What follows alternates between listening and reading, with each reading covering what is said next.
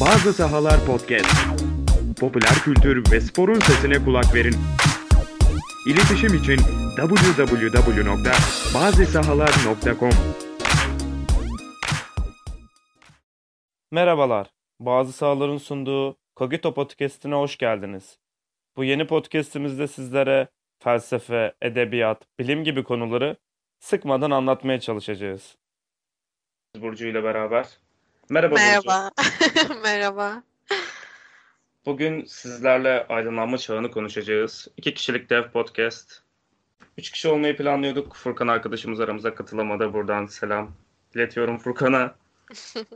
Şimdi Burcu istersen ben bir girizgah yapayım konumuzu aydınlanma çağına. Çok geniş bir konu çünkü. Tamam. Şimdi e, bilindiği üzere aydınlanma çağı dediğimiz çağ esasında Rönesans'la beraber ortaya çıkan akıl çağının devamı olarak görülebilir.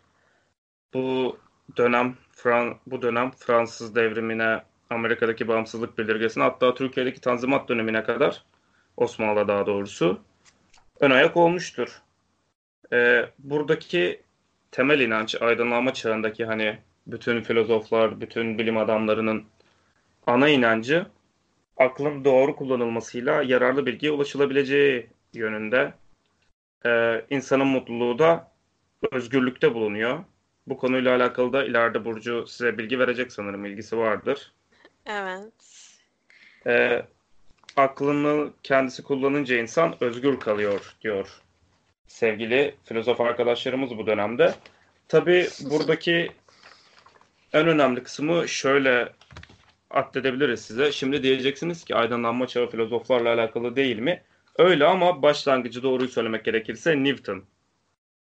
Ee, Newton'dan çok ufak bahsedeceğim size şimdi. Ondan sonra Burcu'ya bırakacağım topu. Newton normalde biraz dindar bir arkadaşımız esasında ama Tanrı'nın yollarını öğrenmek için bilimsel deneyler yapıyor. Bu sonuçlarda da ironik olarak Tanrı'nın iktidarını sarsıyor Avrupa'da. Wow, Sebebi nasıl? de he tabii nasılı var şimdi bunun. Sebebi de şu hani Roma'ya biliyorsunuz sen biliyorsun daha doğrusu dinleyenlerimiz de biliyordur. Hristiyanlık yerleşiyor. Bu dönemde de antik Yunan'ın e, devamı sayılabilecek Romalılar tabii antik Yunan'daki düşünceleri Hristiyanlıkla birleştirmek istiyor. Geçmişlerinden kopmak istemiyorlar. Hristiyanlar da Aristoteles'in ki kendisi büyük bir düşünürdür ama çok yanlış bazı bilimsel düşüncelerini Hristiyanlıkla harmanlıyorlar. Örneğin hani kendi içlerindeki bir ruh ile hareket ediyorlar. İdealar var gibi fikirleri. Burada bahsettiğim fikirleri.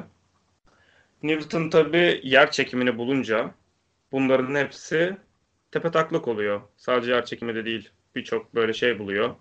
Mesela o dönem kilise dünyanın etrafında döndüğüne inanıyor tüm evrenin. Ama esasında bizim güneşin etrafında döndüğümüz falan ortaya çıkıyor. Böyle üst üste deli şeyler başlıyor. E bir yandan protestanlar çıkıyor. Bir yandan Martin Luther Kuzey Avrupa'yı birbirine karıştırıyor. Erasmus'un düşünce olarak da Erasmus'un öncülüğünü yaptığında e, Avrupa'da böylece görüş birliği ortadan kalkıyor. Böylece Newton da bir fitili ateşlemiş oluyor.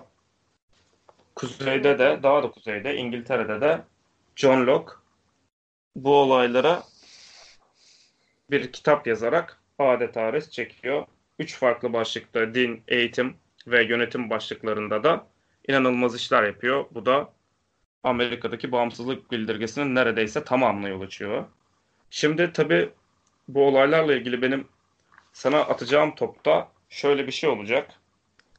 Kant'ın Evet. en sevdiğim alıntısı bu aydınlanma çağını açıklarken insanın kendi kusuruyla düşmüş olduğu bir ergin olmayış durumundan kurtulup aklını kendisini kullanmaya başlaması diyor Kant. Kant'ın bu Evet. açıklaması da bütün felsefesinin özeti esasında. Şimdi Kant esasında ne diyor bu aydınlanma çağıyla alakalı? Onu senden dinlemek istiyorum mümkünse. Tamam. Şöyle özellikle ergin olmama durumunu açıklayalım önce. Kant burada ne kastediyor? Ama bunun da biraz gerisine gidersek Kant bu konuya nasıl gelmiş? Şöyle e, 1700 Sönner bir soru öne atıyor. Bu soru aydınlanma nedir sorusu. O dönem bazı insanlar kilisenin e, dini evliliğini aydınlanma yani kilisede yapılan dini evlilikleri aydınlanmaya aykırı buluyorlarmış. Sönler'de diyor ki zaten şu dönemde ahlaki açıdan düşüşteyiz. O yüzden aydınlanma adı altında dini yermeyelim. Ve makalesini bu konuyu ele aldığım makaleyi şöyle bitiriyor. Aydınlanma nedir? Neredeyse hakikat nedir kadar önemli olan bu soru kişi aydınlanmaya başlamadan önce cevaplanmalıdır diyor. Oysa bu sorunun cevabını hiçbir yerde bulamadım. Kant da bu makale üzerine aydınlanma nedir makalesini kaleme alıyor. Ve bu kişinin ergin olmama durumundan bahsediyor. Yani kişinin ergin olmama durumu nedir? Sence nedir Orçun? Şimdi ben de o zaman bir iki şey söyleyeyim hazır. Bana topu atmışsın. Bunu asisti de biraz gol yapmak gerekiyor.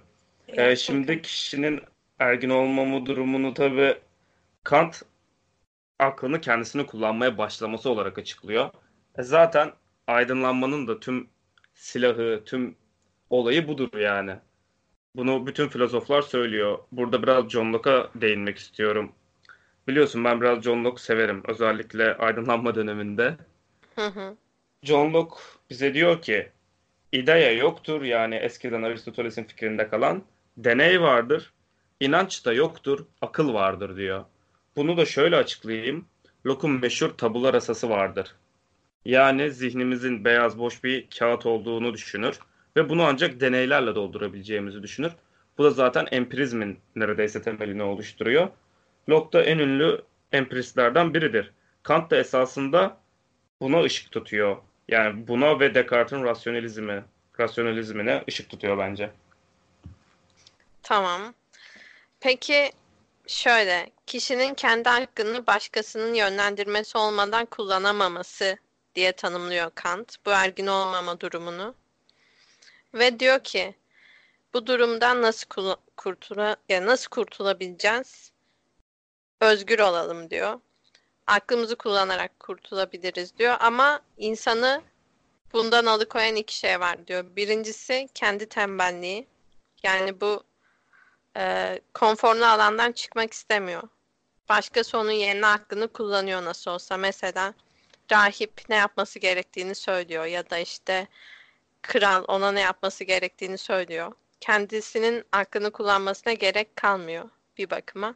İkincisi de hem insanın tembelliği hem de otorite insanın bu durumdan çıkmasına engel oluyor. Şu şekilde üst kesimdeki ya da yönetim elinde bulunduranlar eğer hani hakkınızı kullanırsanız başınıza şunlar gelebilir diye aslında gözdağı veriyorlar. Tabii. Ve bu şekilde şu, şöyle bir örnek verebiliriz. Mesela krala karşı gelen birinin idam edildiğini düşünelim. Bu kişi bir şeyleri sorguladığı için idam edildiyse diğerleri de korkacaktır sorgulamaktan. O yüzden bundan geri dururlar diyor. Ben Bize burada bir şey düşen- söyleyebilir miyim? Tabii. Ufak, çok ufak. Ee, sence Rosso'nun kralla görüşmekten korkmasının sebebi bu mu? Şöyle bence değil yani. Şöyle Jean-Jacques Rousseau'nun şimdi Orçun'un gönderme yaptığı şeyi de söyleyeyim. Jean-Jacques Rousseau Söylev Söylev isimli eserini yayınladıktan yayınladıktan sonra bir süre eleştiri al- alıyor. İtiraflarında da bunlardan bahsediyor ve kral, o dönemin krallarından biri de bu eseri eleştiriyor. Ama Rousseau diyor ki eminim hani doğru düzgün anlamadan ne demek istediğimi eleştirdi ve krala eleştiri mektubu yazıyor yani eleştirisine cevap ve diyor ki insanlar şaşkındı çünkü hani bir krala cevap verdim diyor verebildim diyor.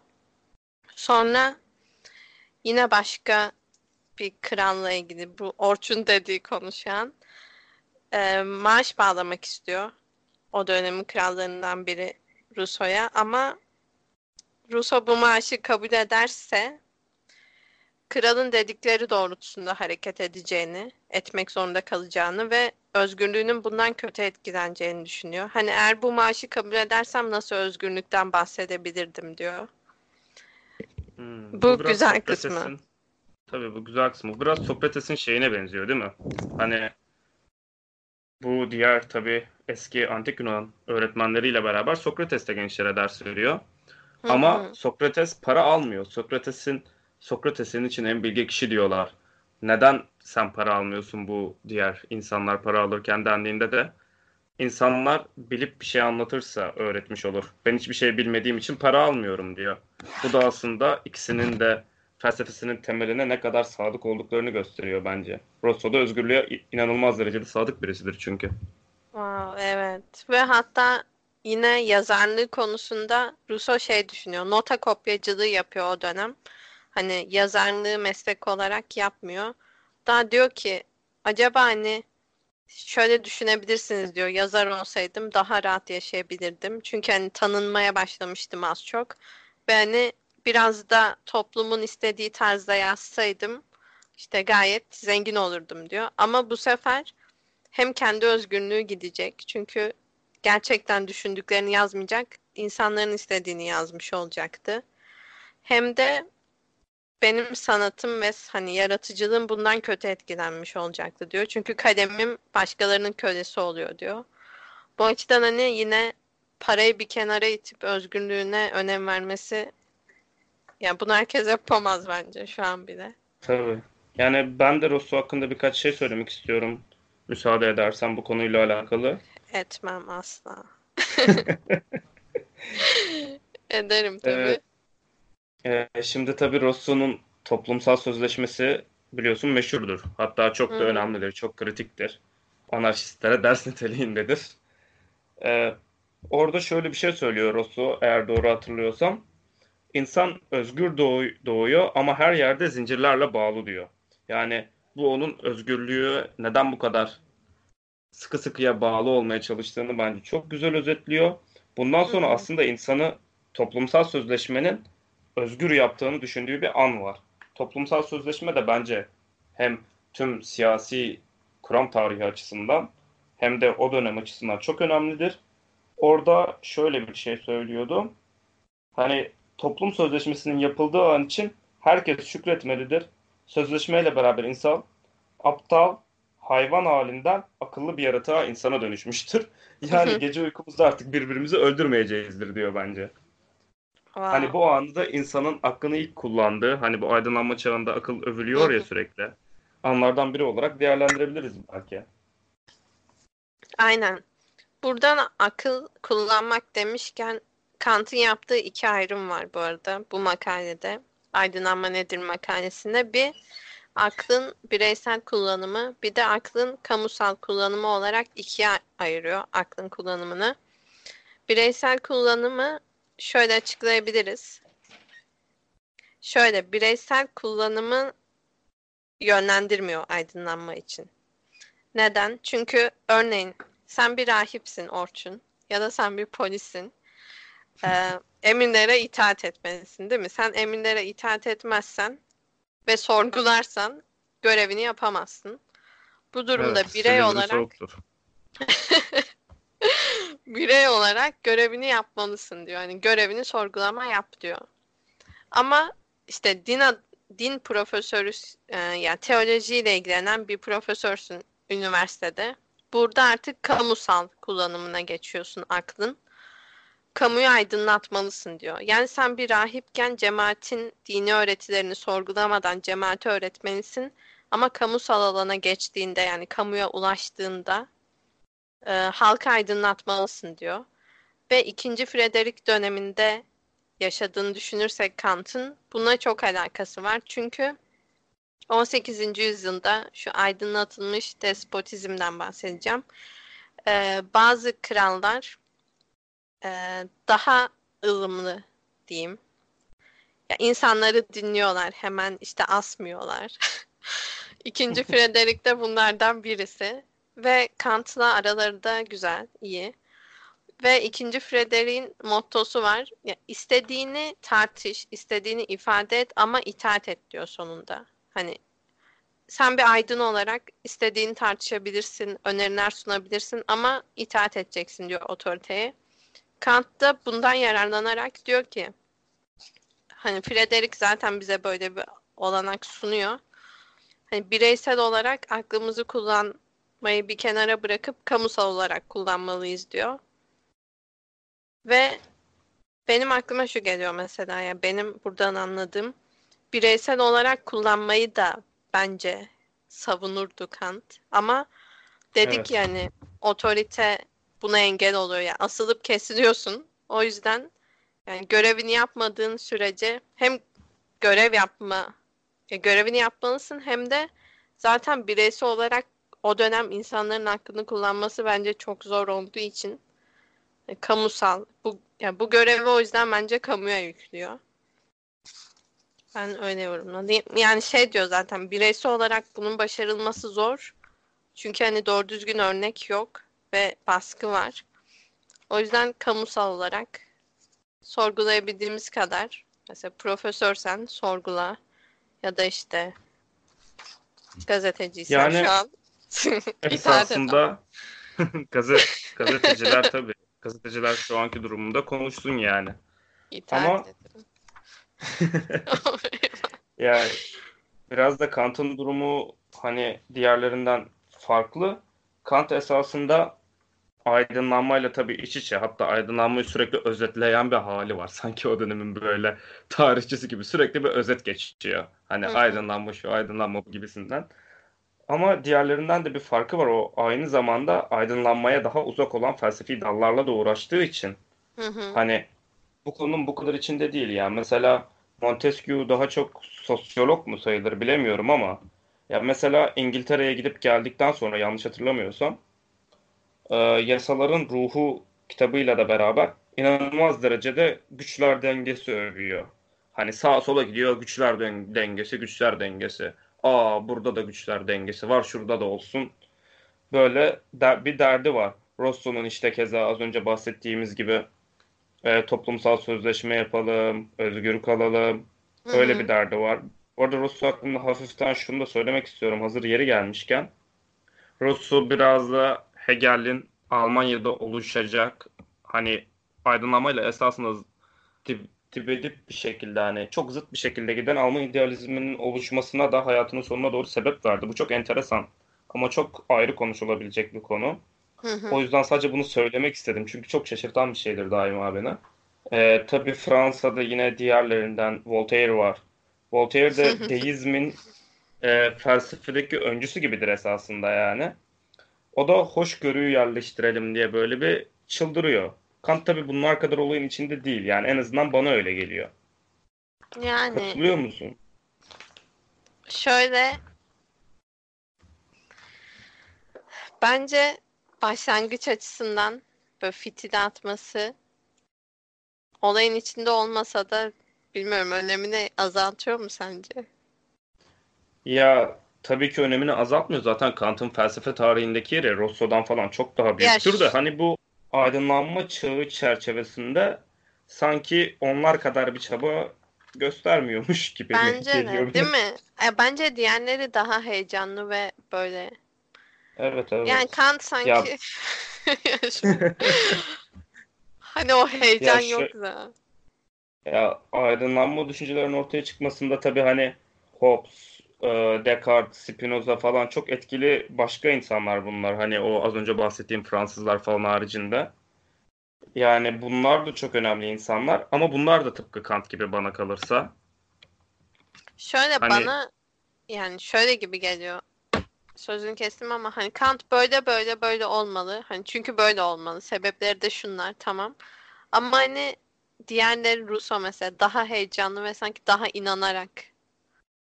Evet evet hani nasıl desem bir ruh olarak inanılmaz öndeler. Onun Hı gibi hı. olan diğer kişi de John Locke bence hani. John Locke İngiltere'den bu fikirleri zaten esasında ilk yerleştiren kişidir. Ben biraz John Locke'dan bahsedeceğim müsaade edersen. Hı hı. Ee, John Locke 3 ana temada çok fazla çalışma yapıyor. Az önce biraz tabula rasa'dan bahsettim. O eğitim hususundaki çalışmaları mesela. Ee, birinin çocuğu için ona sorduğu sorular böyle bir büyük bir felsefe oluşturmasına yol açıyor Locke'un mesela. Bu da empirik düşünceye yol açıyor. Empirik düşünce de işte insan aklı yeterlidir mottosuna getiriyor durumu. Hatta e, Locke hani insan aklı her şeyi olmasa da en azından ona gerekli olan şeyleri anlamaya yeterlidir diyor. Böyle de bir sözü var. Ki ben bu konuda kendisine hak veriyorum. E, Locke'un aynı zamanda hükümetlerle alakalı çok büyük e, sözleri var. Hani kızdırıyor kralları sürekli. Hatta kendisi de hani bu Rus'un sürekli ters yapması gibi o da biraz terslik yapıyor. Hollanda'ya sürgüne falan gidiyor. bir onun öncesinde de Hollanda'ya sürgüne gönderilmeden önce de bu arada kendisi bu İngiltere'den şöyle şey yaparak bir kaçış yapıyor. Bu ne ya? Herkes birbirine bağırıyor. Bunu aldım ben buradan diyor. Fransa'ya gidip dönüyor. Döndüğünde de yine çenesini tutamadığından Hollanda'ya sürgüne yolluyorlar Locke'u. Ee, Locke'un da hani aydınlanma çağının tabii en büyük göstergesi Fransız ihtilali. Hani bu sürekli söylenir. Klişedir de hatta biraz. Ama şu anki dünyamızı da inanılmaz etkileyen başka bir olayın Amerikan bağımsızlık bildirgesinin de ana sebebi hani fikren ana babası da bana kalırsa Locke. E, çünkü Locke'un yazdığı bir eserden hmm, eseri şu an tam hatırlayamıyorum ama hükümet üzerine iki denemeydi yanlış hatırlamıyorsam. Hı hı. Hükümet üzerine iki denemeden hani fikirler alarak hatta bazı kısımları kopyalayarak Amerikan bağımsızlık bildirisi hazırlanıyor. Ve hani Amerika'nın kurulması da biliyorsun. Bundan sonra hani aydınlanma çağını da geçtik. Sonra Dünya Savaşları dönemi, o dönem bu dönem sürekli özgürlük, özgürlük, özgürlük, özgürlük diye koşuşturan bir grubun var olmasına sebep oluyor. Ki şöyle de bir şey var. O dönem tabii Fransızca daha yaygın olduğu için Rus'un falan söyledikleri daha çok halk tarafından duyuluyor ediliyor. Keza Rus'un dili de daha şeydir, akıcıdır Locke'a göre. Locke normalde tıp doktoru olduğundan herhalde biraz can sıkıcı yazıyor. ee, ama esasında hani Ross'un e, Rousseau'nun daha doğrusu Ross dedim. Frans girdi aklıma herhalde. Rousseau'nun hani Fransa'da esasında bahsettiği, en başlarda bahsettiği bu idealizme yol açan fikirlerden önce bahsettiği ana fikirler de esasında Locke'dan gelme bence. Yani şöyle peki aydınlanma çağında da ben şey değinmek istiyorum bu konuda o zaman. Özgürlük temasına biraz değinelim mi? Tabii İster değinelim. Misin? Zaten bu kısmın en önemli şeylerinden biri de budur yani. Aklın özgürlüğüdür hmm. özellikle de. Değinelim hadi bakalım. Evet aklımızı kullanalım lütfen. Şöyle Yaz Kant'ın sloganıyla da ne güzel dalga geçtik. Neyse. Yani dalga geçmiyoruz tabii. Aklını kullan. Yani kendi başımıza düşünme cesaretini göstermeliyiz diyor Kant. Tamam. Evet sorgulayın diyor. Hani ergin evet. olmuş durumundan kurtulalım diyor. Evet o zaman sen de bize bu durumdan nasıl kurtulursun? son. Açıkla. Şöyle tembellik yapmayalım ve başkası bizim yerimize düşünmesin. Biz kendi yerimizde düşünelim. Ya da mesela e, nasıl desem bizim bizim yerimize düşünme yetkisini din adamlarına ya da devlet büyüklerine vermektense bence 21. yüzyılda bunu bireysel bazda yapabiliriz diye düşünüyorum. Kamusal. Ama biz şu yani, an tabii kamusal, kamusal alanda ne kadar yapılıyor ya. Esasında ama şu an bir tam yani, Yani şöyle bir şey var. Tabii bu görüşler Avrupa'da çok yoğun olarak yayılıyor. Özellikle Kuzey Hümanizmi, Erasmus falan. Kuzey'de bayağı yaygın biliyorsun. Şu anda hani Belçika, Hollanda, Almanya, hı hı. Danimarka falan filan. O ülkelerde de bu hani özgürlük, bireylik gibi fikirler çok yaygın ta o dönemden kalarak. Tabi Doğu'da bizi ne kadar etkiledi? Tanzimat'la beraber etkiledi. Tanzimat da işte nerelere vardı? Bu çok daha uzun bir şekilde çok daha farklı bir podcast'te konuşulacak bir konu sanırım. Evet, o zaman ben şeyden bahsetmek istiyorum. Ee, ikinci Frederick'in bir anısı var. Bu bayağı ünlü. Zaten belki duymuşsundur. Berlin'de hakimler var diye ünlü bir söz var ya. Bunun arka planı şu şekildeymiş. Bu beni etkiledi çünkü hani hükümdarın sözünün üstünde de bir söz ve güç olabilir. Yani kanunlara hükümdar da uymalıdır. Ee, düşüncesinin ilk böyle örneklerinden biri belki de. İkinci Frederick bir gezintiye çıkıyor o dönem Prusya kralı ve bir değirmenciyle karşılaşıyor. Kral olduğunu bilmiyor tabii adam. ve işte bu arazi benim olsun diyor. Ben bu araziyi istiyorum diyor. O da hayır burası bana ait vermek istemiyorum diyor. O da para teklif ediyor işte satın alayım o zaman diyor. O da hayır yani satmak da istemiyorum diyor. Sonra Frederick de diyor ki ben hani Prusya kralıyım. Yani vermek zorundasın. Hani el koyuyorum diyor. O da hani koyamazsın Berlin'de hakimler var diyor. Ve hani bu Oo. hikayenin doğruluğu kesin olmamakla birlikte bayağı ünlü bir hikaye. Ve hani çok bence önemli çünkü Tabii o Şey, dönemin kanunu ruhunu var. tamamen yansıtıyor. aynen sen kimsin diyor yani. Yani Kanunlar var bizde- diyor. Bizde tabii buna tabii zerre benzer değil fakat e, şekil olarak benzer çok meşhur bir şey vardır. Hani olayın içeriği olarak olmasa da böbürlenme padişah senden büyük Allah var. Hani bir taraf tabii bak kanun var ben de bireyim falan diyor ama bizde de tabii buna benzer bir şekilde padişah adam ol Allah var deniyordu. Bu da güzel aslında değil mi? E, tabii, İşte kula tabii. kulluk Yine- etmek. Aynen öyle hani hiçbir şey yapamıyorsak bile Allah var o savunur bizi düşüncesi vardı bizim Osmanlı dönemlerimizde de. Güzel bence. Şöyle buradan o zaman şeye geçiyorum. Rousseau e, bu kul, kul olma, köle olma ile ilgili insanlar arasındaki eşitsizliğin kaynağı kitabında bir bölüm var. Onu çok hoşuma gidiyor. Şöyle diyor ki hani o kim? O alıntıyı. Yurttaşlar ancak kör bir tutkuyla sürüklendikleri kendi üstlerinde olanlara değil de kendi altlarında olanlara baktıklarında egemenlik onlar için bağımsızlıktan daha değerli hale geldiği, kendileri de başkalarına zincir vurabilmek için kendi zincirlerini taşımaya razı oldukları ölçüde baskı altında tutulmayı kabullenirler. Yani şöyle, e, sen zincire vurulmayı kabul ediyorsun çünkü kendin de başkalarına zincire vurmak istiyorsun. Eğer sen de bu amaç olmasa, yani böyle bir istek olmasa sen de başkalarını zincire vurmazsın diyor. Yani başkalarına emretmeyi seven kula- kullaştırılmaya da razı olur diyor. Bu benim çok hoşuma gitmişti. Çünkü hani şey diyor.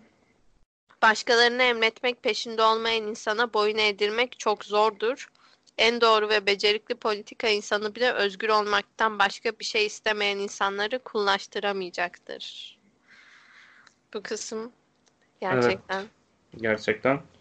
Ee, çok hani Rosso'nun dediğim gibi şu anda da ortaya çıktığı üzere hani dili gerçekten iyidir yani hani vurucudur. Burada da bu sözleriyle bunu gösteriyorsun. Bir de bu konuyla alakalı şöyle bir şey var Rosso'nun. Ya Rosso gerçekten aydınlanma çağı denince hani bir görüntü geçer ya böyle hani insanın gözünün önünden belirli konularda hani aydınlanma çağı dediğinde de böyle Fransız ihtilali, işte bağımsızlık bildirgesi, Rosso falan böyle insanın gözünün önünden geçiyor.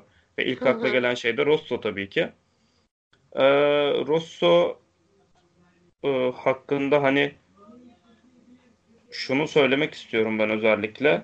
Kendisi e, Hobbes, Locke, Hume gibi filozof değildi.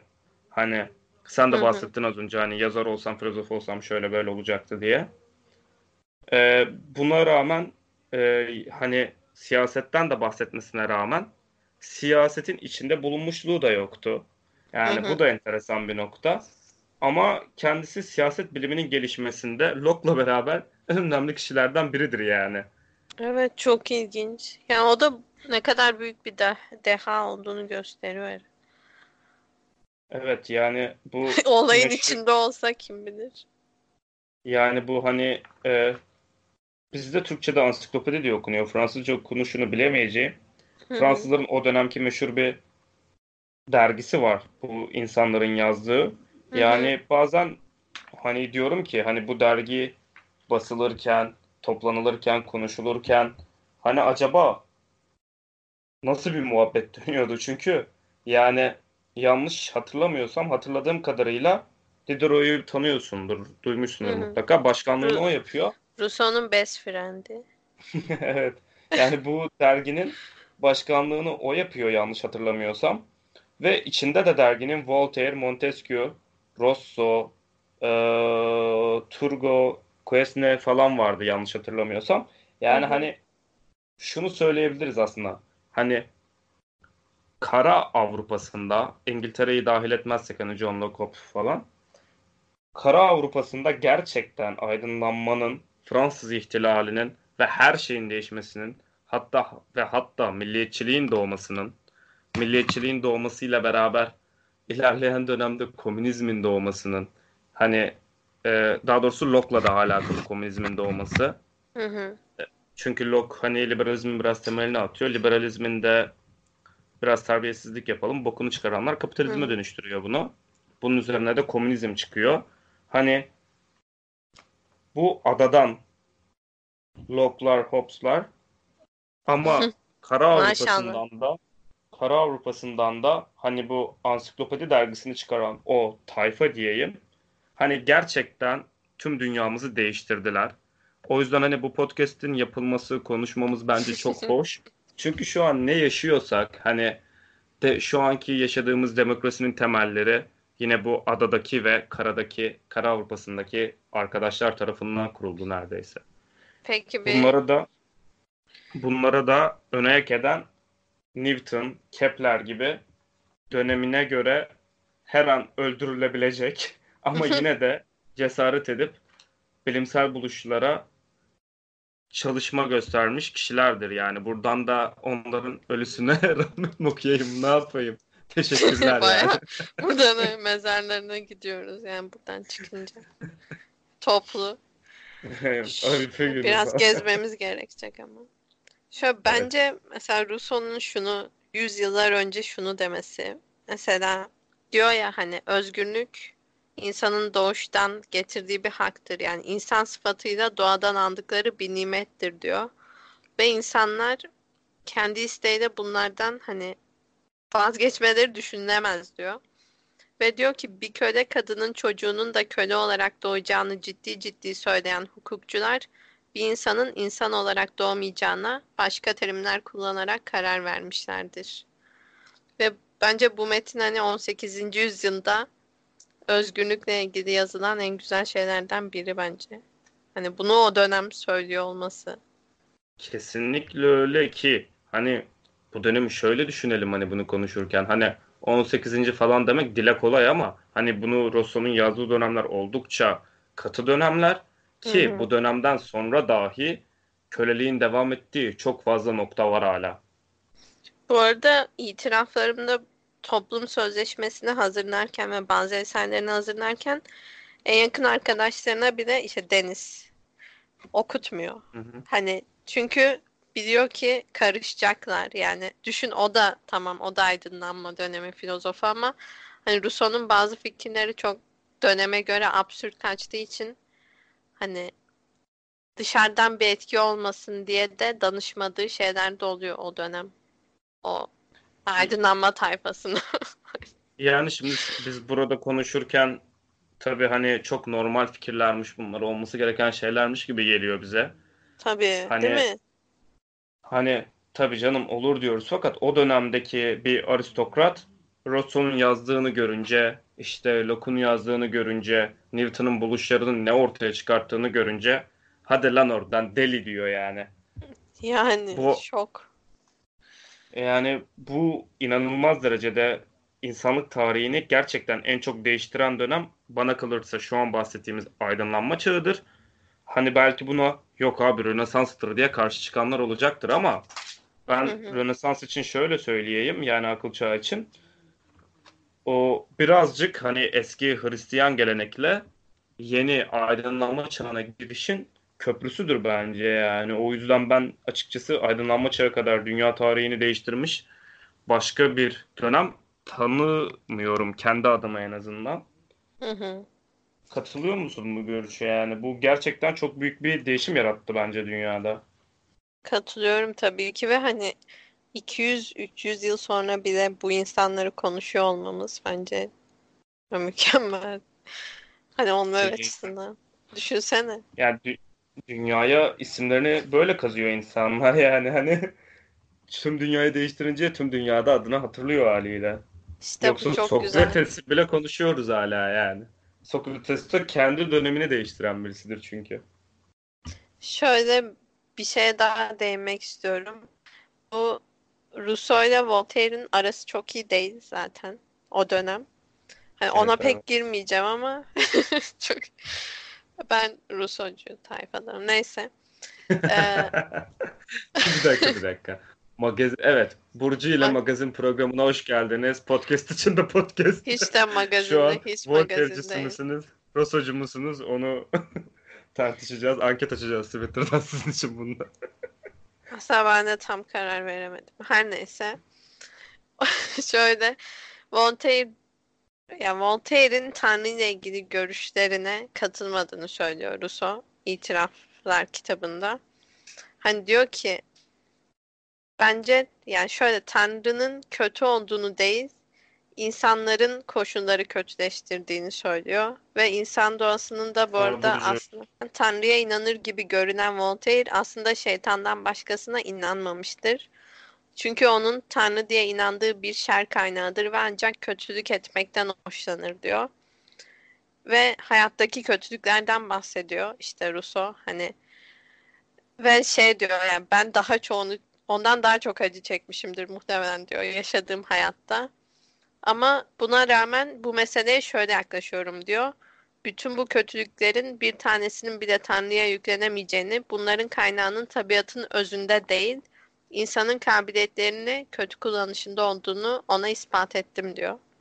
Yani aslında tabiatın özünde değil kötülük ama insanın işte bunları yönetememesi, kötü kullanmasından dolayı ortaya çıktığını savunuyor. Magazinsel miymiş? konuya- Kim kimle çıkıyor onu söylüyorum sanki. Ya tabii ben olaya biraz da şakayla yaklaşıyorum ama ben de bu olaya şöyle bir katkıda bulunayım. Bir de Voltaire ve Alexander Pope'un Alexander Pope da o dönemin yine İngiliz şair denilebilecek birisi sanırım. Ee, Alexander Pope bu dünyanın olabilecek dünyanın en iyisi olduğunu söylüyor. Voltaire de kendi hikayesinde dönemin aşırı iyimserliğiyle alay edil- ediyor ve olabilecek en iyi dünya buysa bu acılar nedir diye bayağı bir hiciv ediyor esasında. Hani Rousseau'nun da ona kızgınlığı belki de buradandır yani. Olabilir. Hatta sanırım o eserini şey diye yazıyor. Hmm. Yani bunu savunmak için, işte dalga geçmek için iyimserlikle. Evet evet. Tamamen bu sebeple yazıyor. Hatta ondan önce sanırım Rousseau'yla ya burada Rousseau'nun dediğine göre mektuplaşıyorlar. Rousseau bir cevap veriyor, Voltaire cevap vermiyor. Ve o eseri yazıyor. Evet ben tabii başka ekleyeceğim bir şey var mı aydınlanma çağıyla alakalı? İnternet bağlantımız da kötüleşiyor kusura bakmayın. O yüzden zaten sonuna da geldik. Başka ekleyeceğim şeyler var mı Burcu? Düşünüyorum şu an. Senin var mı? Ee, yok o zaman veda edelim mi? Edelim. O zaman eee, Dinlediğiniz için teşekkürler. Bağlantı zayıflıkları için de teşekkür ediyoruz hepinize. Düşünerek kalın. ve aklınızı kullanın.